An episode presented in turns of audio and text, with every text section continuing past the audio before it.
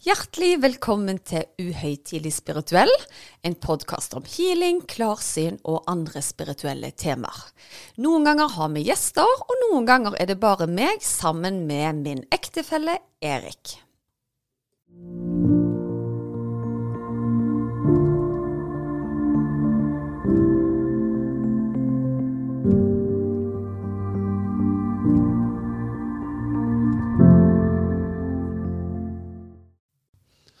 Godt nyttår og velkommen til en ny episode av Uhøytidelig spirituell.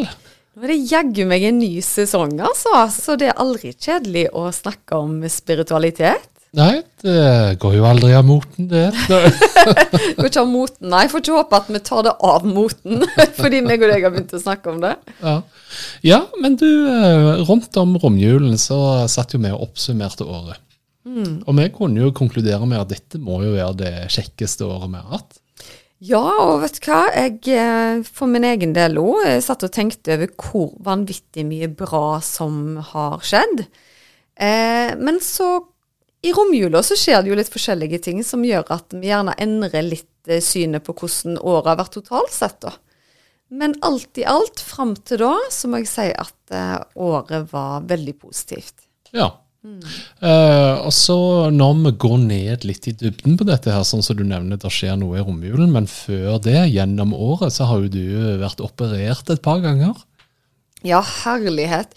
Og det var litt morsomt, fordi jeg var på kafé med ei venninne, kom og møte en bekjent, og så spør denne bekjenten meg å, hvordan har året ditt vært da, Susanne? Og så sier jeg å, det var kjempefint. Og så ser venninna på meg og bare seriøst, har dette vært et fint år for deg? Jeg bare ja, har du ikke det? Du har hatt fire operasjoner, ikke responderte du på smertestillende, var nede for telling så det holdt. Og det var òg andre opplevelser som du ringte og fortalte at ikke var, var helt enkle å håndtere, altså. Men jeg tror alt i alt så er det blitt litt sånn automatikk i at eh, hjernen min henter fram de tingene som har vært bra først. Og så må jeg heller grave litt etter de tingene som ikke har vært så bra. Så da tror jeg jeg gjerne har gjort noe med min egen innstilling, da. For det er ikke sånn at jeg nå må lete etter de positive tingene, men jeg må heller minne meg på de tingene som har vært litt tunge, da. Ja, for det er jo en ting vi har snakket om både her i podden og som du har tatt opp i kursene dine òg, at altså hvis du tenker det positive hele tiden og prøver å snu ting til noe positivt, så vil du eventuelt, altså så vil du etter hvert endre mindset. Sånn at her når vi da har jobbet med det over tid, begge to, og så oppsummerer vi året at det har gått veldig bra, og så ser vi jo egentlig når du ser det litt i sømmene, at hmm, det var jo et par skjær i sjøen der allikevel. Det var det så absolutt. Og så er det jo noe med det at når vi står oppe i en situasjon som er vanskelig, så er det sjelden at vi der og da tenker at å, dette vil jeg lære så mye av, og dette her kommer sikkert til å gjøre livet mitt bedre på sikt, osv. Men det er jo når du i ettertid på en måte huske hva den utfordringen fikk deg til å spinne på videre positivt, da. Du virkelig skjønner at det har skjedd en endring i deg sjøl. Og for min del så lærte jeg jo veldig mye om meg sjøl og mine evner når jeg på en måte var fysisk på bånn, da. For hadde jeg ikke opplevd det jeg hadde opplevd, så hadde jeg heller ikke vært kapabel til å laste ned de fantastiske healingene som kom til meg gjennom kanaliseringene. For jeg tror at hadde ikke jeg hatt et så inderlig behov for å få ro i min egen kropp, så hadde jeg heller ikke fått tilgang til det da, på en måte. Ja. Og det var jo sånt, eh, sånt det virkelig begynte å utvikle seg spirituelt sett i, i de motbakkene, da. Ja. ja, og jeg kan jo relatere meg til, holdt på å si, i romjulen så havna jeg, eh, ble innlagt på sykehus. Jeg har jo vært åpen på podden om eh, mine hjerteproblemer. Eh, og det er jo først når du blir fratatt noe, du gjerne begynner å reflektere litt over hvor mye verdi det har for deg, da. Så si for min del, da, når du da ligger innlagt på et sykehus, så har du jo egentlig lyst til å bare ta på deg jakken og spasere ut. Ja, og så tror jeg du har lyst til å jogge, du har lyst til å trene. Du, har- du sendte meg til og med bilde av en hund. Du hadde fått for deg at nå, nå skal jeg bare gå ut i Gå på tur og leve livet. Og så glemmer vi det fort når vi, når vi på en måte er skrevet ut igjen. Ja, jeg, jeg tenkte faktisk det at du er jo så glad i å gå tur, så det hadde jo vært fint å ha en hund. Men vi har ikke tid til hund med. Vi må få lage podkast istedenfor. Men eh, ja, det er ikke noe kjekt når at du eh, blir påminnet på at kroppen din ikke fungerer 100% Men heldigvis da, så skal jo du få, få hjelp der. Ja, så det blir jo spennende å følge litt eh, i eh, vår hvordan det går. Men poenget vårt med å meddele litt sånn personlige helseting og litt sånn, det er jo nettopp det at vi prøver jo da ved å tenke positivt og ikke la de negative greiene definere oss. Sånn at uansett hva du opplever, så må du kanskje jobbe enda hardere for å la de positive opplevelsene vekte tyngre. Men det er veldig enkelt å innta offerrollen og si å, jeg er hjertesyk, og alt går skeisen. Vi hadde grusomme grusom jul fordi Erik havna på, på, på sykehuset. Ja. Jeg tenkte jo egentlig at vi hadde ei veldig fin jul fordi vi fikk deg hele og trygge tilbake igjen. Ja. Og det er jo det vi, vi sitter igjen med. Men eh, så var det jo andre ting i jula som gjorde at det var en annerledes jul, fordi et familiemedlem som jeg er vel, veldig knytta til og veldig nær, ble bare sykere og sykere i jula, og det tror jeg var noe vi alle tenkte ekstra på. Mm. Og hun var veldig opptatt av jul, og veldig opptatt av juletradisjoner og sånne ting, så hun gjorde at, eh, at jeg, jeg tenkte mye på henne i, i julen og, og romjulen. Mm. Og så fikk vi jo en veldig trist eh, telefon dagen før nyttårsaften om at hun nå ikke lenger levde. Mm. Og det var beintøft, og det er fremdeles beintøft. Men jeg tror nok at heldigvis for min del, da, når vi har på en måte en så god kontakt med sin spirituelle side, så har jeg en tro og en oppfatning om at eh, en død er ikke nødvendigvis en død, men at det er en forandring til noe annet, annerledes, da. Og det gir i hvert fall meg en trøst. Så selv om det ikke kan erstatte tapet av henne på noe som helst måte, så gir det meg et håp om at vi en gang treffes igjen, da. Ja. Og jeg er jo òg såpass heldig at jeg har andre avdøde slektninger som jeg har fått kontakt med i ettertid. Og det håper jeg jo at vil skje med henne etter hvert år. Ja. Nå har vi jo snakket om sorg og spiritualitet tidligere i podkasten, og akkurat dette når det er så ferskt òg, så er det jo selvfølgelig litt vanskelig å prate om, for alle har en forskjellig sorg. Alle vil kanskje mene noe eh, personlig om det å snakke om det, så vi skal på en måte skyve henne litt, eh, litt vekk fra samtalen, og så skal vi heller generalisere det litt. Altså, men hva tenker du når i, i sekundet en person dør? Hva tenker du, hva, hva skjer egentlig? Åh, jeg skulle ønske at jeg hadde fasitsvar på det, og jeg tror nok ikke jeg er den eneste som har lurt eh, på det.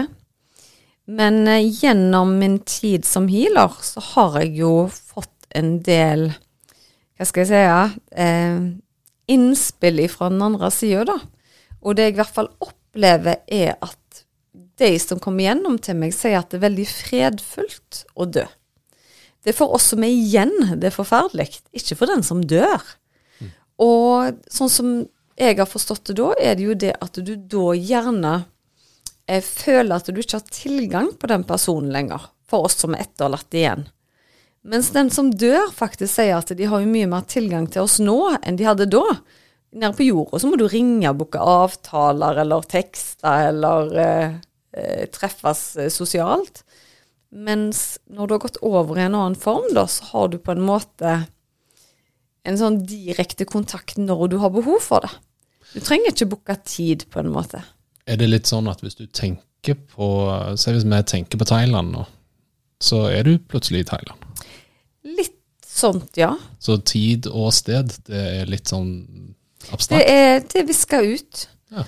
Og så har jo jeg lært meg etter hvert ord, jeg har vært veldig åpen om i tidligere podkastepisoder, at eh, gjennom min spirituelle utvikling, som har på en måte min strek i sanden utvida seg òg Og jeg trodde jo lenge at min guide, Aurora, var en engel som kom på besøk, men så har det på en måte endra seg til at jeg har skjønt at Aurora er en forlengelse av meg sjøl.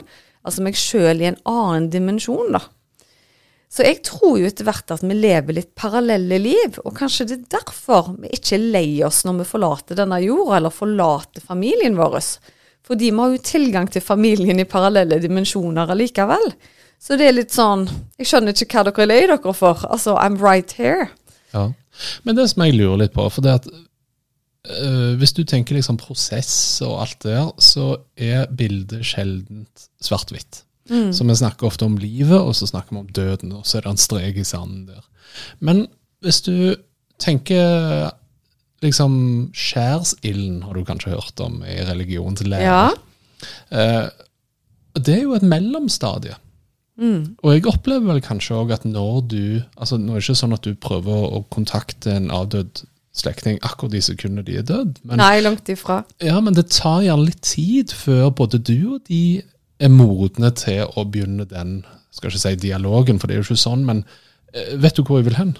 Jeg vet veldig hvor du vil hen, og da må jeg faktisk fortelle hva jeg gjorde her en dagen. Og da var det sånn til Altså, fordi jeg har akkurat sånn greie at jeg vil på en måte vente med å prøve å få kontakt, da. Men så hadde jeg en liten sånn samtale i mitt eget hode en kveld, for jeg var veldig lei meg. At det, vær så snill, du må gi meg et tegn på at du har det bra, liksom. Hva skal være våres tegn, sånn at jeg vet at vi kan opprettholde den eh, kontakten? Og da fikk jeg en klar stemme, en klar beskjed som sa Vet du hva? Nei, tegn? Når skal jeg hvile meg? Jeg skal kun hvile, og så skal jeg komme sterkere tilbake.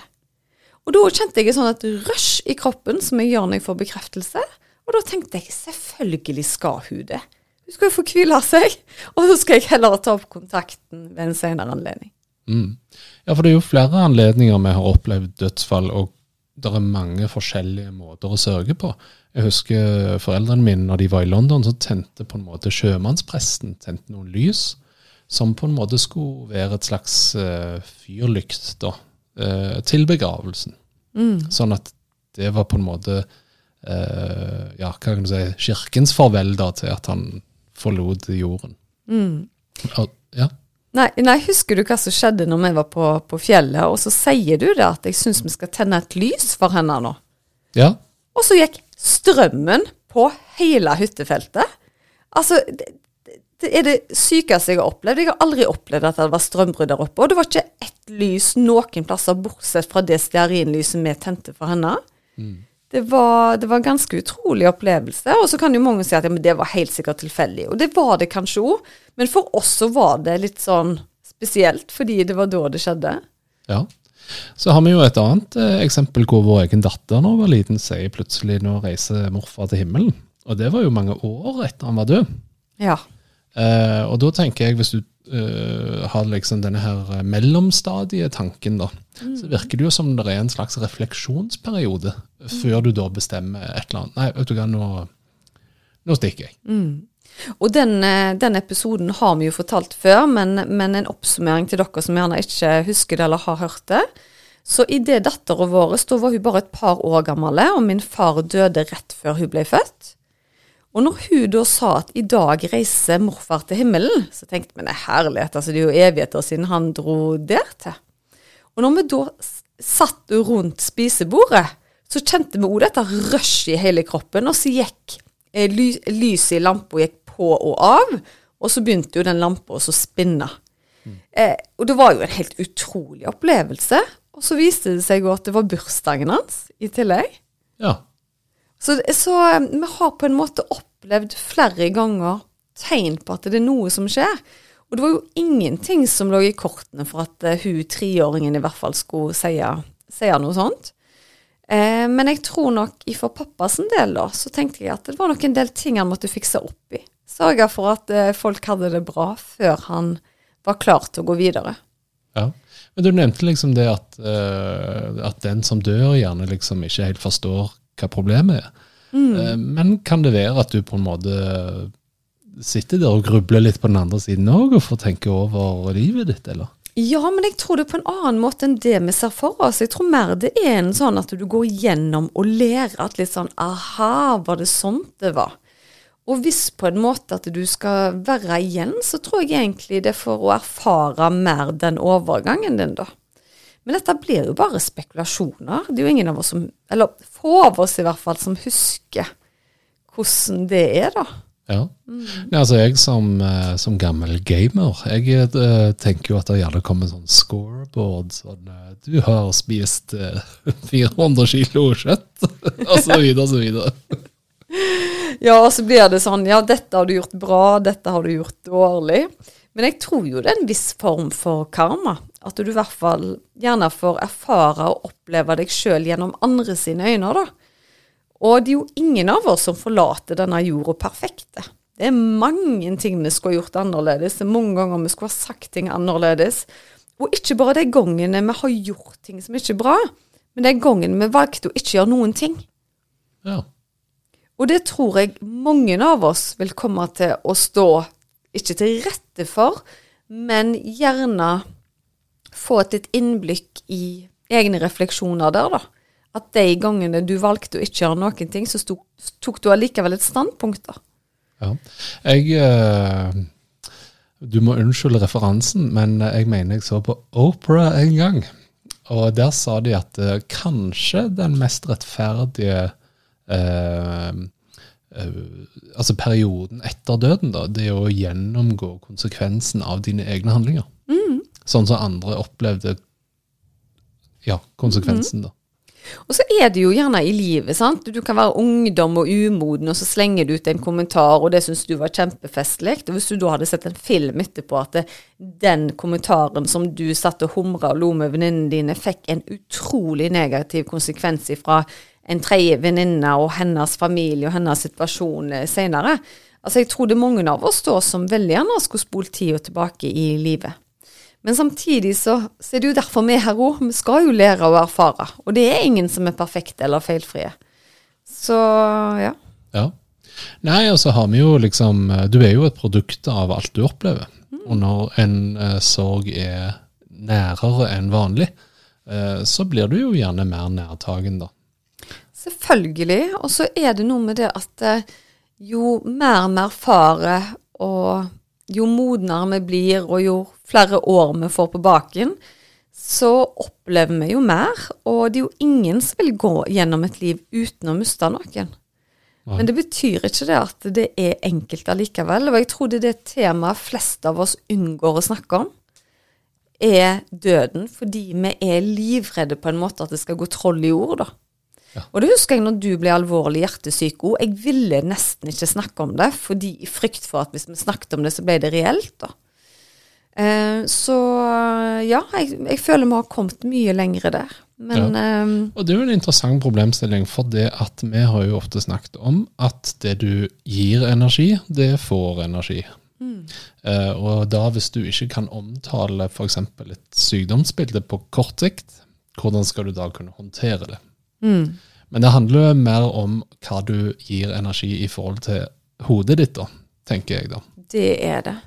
Og så er det noe med det at eh, hvis vi ikke kan kontrollere det, så er det på en måte waste of energy å tenke katastrofe. Men det er jo en måte med mennesker bygge det opp at å, nå skal jeg forberede meg. sant? Hvis jeg er forberedt på dette her, så blir tapet mye mindre smertefullt, f.eks.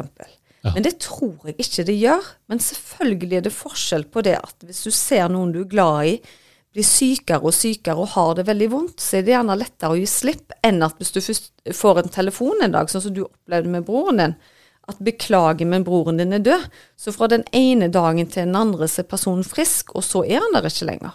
Nei. Og med pappa òg så gikk det jo veldig fort, og nå gikk det relativt eh, fort, men eh, hun var veldig syk. Så um, på en måte så er det egoistisk å sitte igjen og tenke at eh, jeg har bare lyst til at personen skal være i live for meg. Men så må vi jo òg tenke på at vedkommende har det så vondt at eh, det skal være godt for de å slippe i tillegg, da. Ja.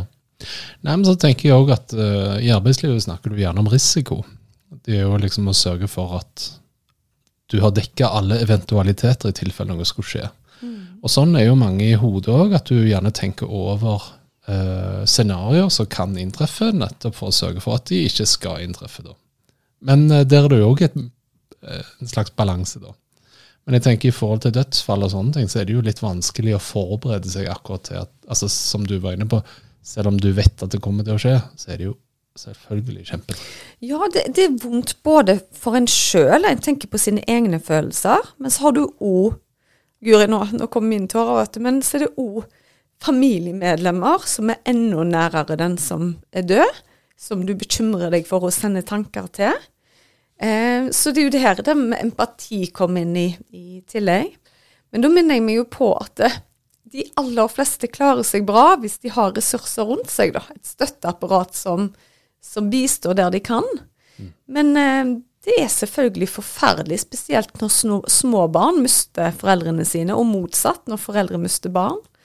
Så det, det, er liksom mye mer naturlig, og jeg tror det er enklere å håndtere sorg når folk er gamle. Problemet er når at eh, de er unge, og du tenker gjennom hvor mye mer de hadde å oppleve. da. Så det er jo det jeg kjenner på mest. Det er Ja, det vedkommende går glipp av i forhold til barn og barnebarn, f.eks. Så det er tungt å, å tenke på. Ja. Nei, så er det jo alltid tungt, som du er inne på, dette å se de som er nærmest som sitter igjen, og hva de Det er jo Mm. noe som er borte. Absolutt. Og så er det sånn, OK, hva kan vi lære av sånne situasjoner, da? I dette tilfellet så lærte i hvert fall hun meg det at hun sa, hun sa til meg for ikke så lenge siden at er det én ting jeg angrer på, så er det at jeg har sagt ja til veldig mye jeg ikke hadde lyst til. Så hvis jeg skulle gjort ting på nytt, så ville jeg gjort mye mer av det jeg trengte og hadde lyst til i livet mitt. At ikke så mye annet spiste opp tiden, da. Og det er en av de tingene som jeg vil ta med meg. At jeg òg skal være flink til å si nei hvis det er ting jeg virkelig ikke føler gir meg noe. Ja. For jeg tror det er veldig mange som stiller opp på ting fordi det er forventa av en, eh, kontra det at en virkelig har lyst, da. Og nå snakker jeg ikke om det om å være trener for sønnen sin på et fotballag eller bake ei kake engang, men du trenger ikke være den som baker alle kakene. Eller er med på alle arrangementer, når du egentlig ville ha sittet hjemme og spist pizza med familien din. Ja, det er jeg enig i. Og der, eh, hvis vi går litt videre i, i diskusjonen vår, så hadde jo vi en prat på nyttår om nyttårsforsett. Ja! Eh, og eh, det, ja, jeg vet ikke om du vil begynne. Hva var dine nyttårsforsett eh, i år? Jo, vet du hva, jeg har lyst til å gjøre enda mer av det som gjør meg glad. Ja. Det er mine nyttårsforsett. Så jeg syns det var egentlig befriende å gå igjennom refleksjonene mine og tenke liksom, hva skal jeg gjøre bedre i år? Og egentlig lande på at jeg syns det jeg gjør er godt nok, men jeg har lyst til å gjøre enda bedre. Enda mer av det som, som gir meg påfyll, da. Mm. Ja, veldig bra.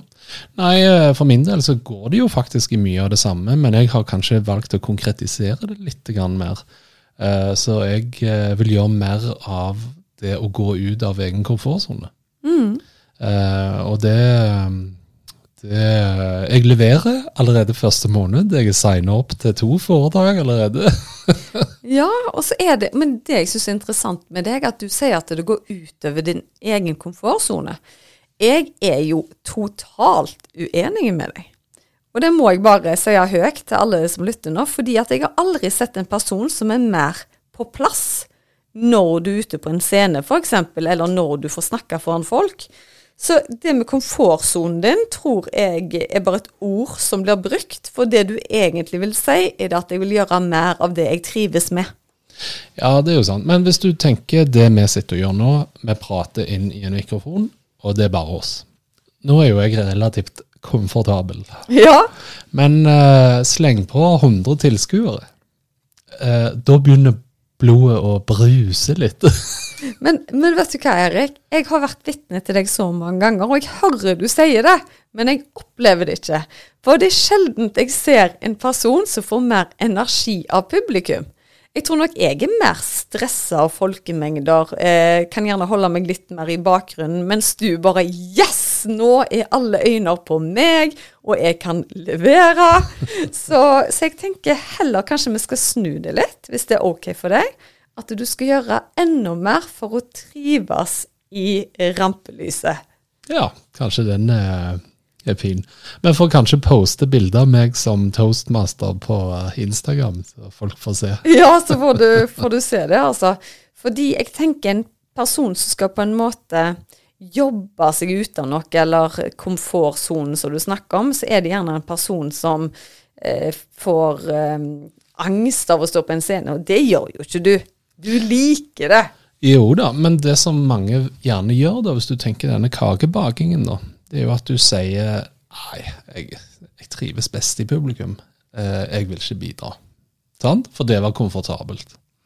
Men det å da stå på scenen og bidra og faktisk lage en forskjell for alle de hundre som da er i salen, da trives jeg veldig godt. For det at jeg vet at jeg har hjulpet noen med et arrangement. Gjerne påvirka noen sin dag positivt. Og ikke minst lagt en hyggelig stemning for folk og en fin opplevelse. Og det er du veldig god på. Og det er jo en av mine nyttårsforsetter, er å lære mer, sånn at jeg kan lære mer videre. Så jeg skal være mye mer raus med meg sjøl for eget påfyll, sånn at jeg kan fortsette å gi andre påfyll, da. Ja. Det syns jeg er en ganske øh, dyp øh, Et dy, hva, hva, dypt forsett. Ja, et dypt nyttårsforsett. Ja, men jeg tror nok det at eh, i eh, oppveksten og sånn, så hørte du bare om nyttårsforsett via media med sånne idiotiske ting til at gå ned ti kilo på ti dager, eller hva det var, og så skulle du Sånn som du vet, sånne januartrenere. Alle går på helsestudio i januar, og så var det en som hadde skrevet noe i avisa 'Gratulerer, du er tilbake igjen i sofaen om to uker'. Jeg tror at eh, du må spørre deg sjøl hvorfor skal jeg gjøre disse endringene her? Er det fordi at jeg skal være en del av folkemengden som nå skal inn i det nye året og gjøre sånn som alle andre, eller vil du virkelig gjøre det for å investere i deg sjøl? Men jeg tror, når jeg sier til meg sjøl at jeg skal gjøre mer av det som gjør meg godt, eh, så betyr jo ikke det også bare ligge på sofaen og stappe fjeset med sjokolade, selv om jeg syns det er godt i nøyaktig ti minutter. Så du må jo ha et lengre perspektiv på, på ting òg, da. Ja, men da kan jeg være til hjelp. Og det at min uh, personlige trener han spurte hva er målet ditt med treningen. Er det å bli sterk eller komme i form? Så sa jeg vet du hva, det er jo bare to verktøy på veien. Eller resultatet er at du ble sterk. Mitt mål er å se bra ut på stranden. Ja. Og da vil jeg ta et oppfølgingsspørsmål hvis jeg har- var han treneren der. Hvor viktig er det for deg å se bra ut på stranden? For hadde vi hatt en sånn måler for sånn én til ti, så kjenner jeg deg såpass at jeg tror det er en fire-fem år. Og da er ikke det nok for deg til at du båndjobber på trening. Du glemmer en veldig viktig faktor, og det er tid og sted. Ja. Hvis du skal se bra ut på stranden i februar, så er det ikke så relevant. Men jo nærmere strandlivet du kommer, jo selvfølgelig stiger denne fra fire, fem og alt det der, da. Men å være, øh, være båndtrent øh, midt i vinterferien Nei, da er ikke motivasjonen god. Men hvor mange år siden var det denne PT-en stilte deg dette spørsmålet? Nå syns jeg diskusjonen sporer litt av. Eh, Nå skal vi fokusere på det positive. Ja, men det positive er jo at for meg så er du en tier på stranden så lenge du er fornøyd med deg sjøl. Ja. Flott. Det er det indre som teller, tydeligvis. Du, vet du hva, heldigvis for meg så har jeg en kombomann som er både flott på utsida og på innsida, så det, det er jeg veldig fornøyd med. Ja, Nei, men det er flott. Ja, men eh, da har vi vært igjennom eh, året som gikk. Eh, vi har satt litt ord på de triste tingene som har skjedd. Og vi har satt litt mål for året. Men mål for podkaståret, da? Ja, vet du hva, meg og deg har snakket litt om det, og vi ønsker jo å fordype oss enda dypere i spirituelle temaer. Ja. Em, så det blir spennende framover nå, og kanskje jeg skal utfordre deg litt til å gå litt dypere inn i din egen spiritualitet òg. ja, det kan du jo gjerne utfordre. Og så får vi se om jeg ser bra ut på stranden av det. Du er en annen dimensjon, Erik, så er du rålekker på, på stranda. Det, skal jeg- det skal jeg bare minne deg på. Ja. Nei, men Så året blir veldig spennende. Og så nå i januar så skal vi en ny runde i gang med Skap ditt drømmeliv. Og det var så gøy i fjor. Og det var jo såpass gøy at vi lagde en medlemsportal videre basert på det òg, så det skal bli kjempegøy å få inn nye håpefulle som kan forandre 2023 si- sin fordel, altså. Ja. Men jeg syns det er veldig greit at eh, vi finner litt tilbake igjen til røttene i forhold til det uhøytidelige og det spirituelle, og um, prøver å um, gå litt mer i dybden. Nå har vi skrapt mye i, i lakken, så nå skal vi ned i Hamre i panseret. Ja, og så er det veldig fint da at hvis dere legger inn på Instagram under uh, ukens post, om det er noen temaer dere ønsker vi skal fordype oss i framover. Ja, veldig bra. Ok, eh, da tenker jeg at eh, det får holde for denne gang. Sesongen er offisielt åpna, og Ja. vi er spirituelt i gang. Veldig bra. Da håper vi dere gleder dere til neste episode av Uhøytidelig spirituell, og tusen takk for denne gang. Tusen takk for nå. Ha det bra. Ha det, ha det.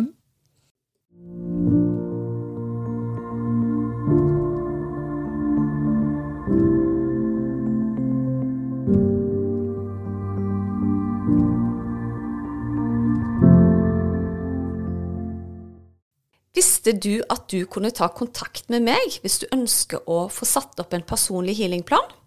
Da er det bare å kontakte meg via Instagram eller på e-post, så gjør jeg det helt kostnadsfritt.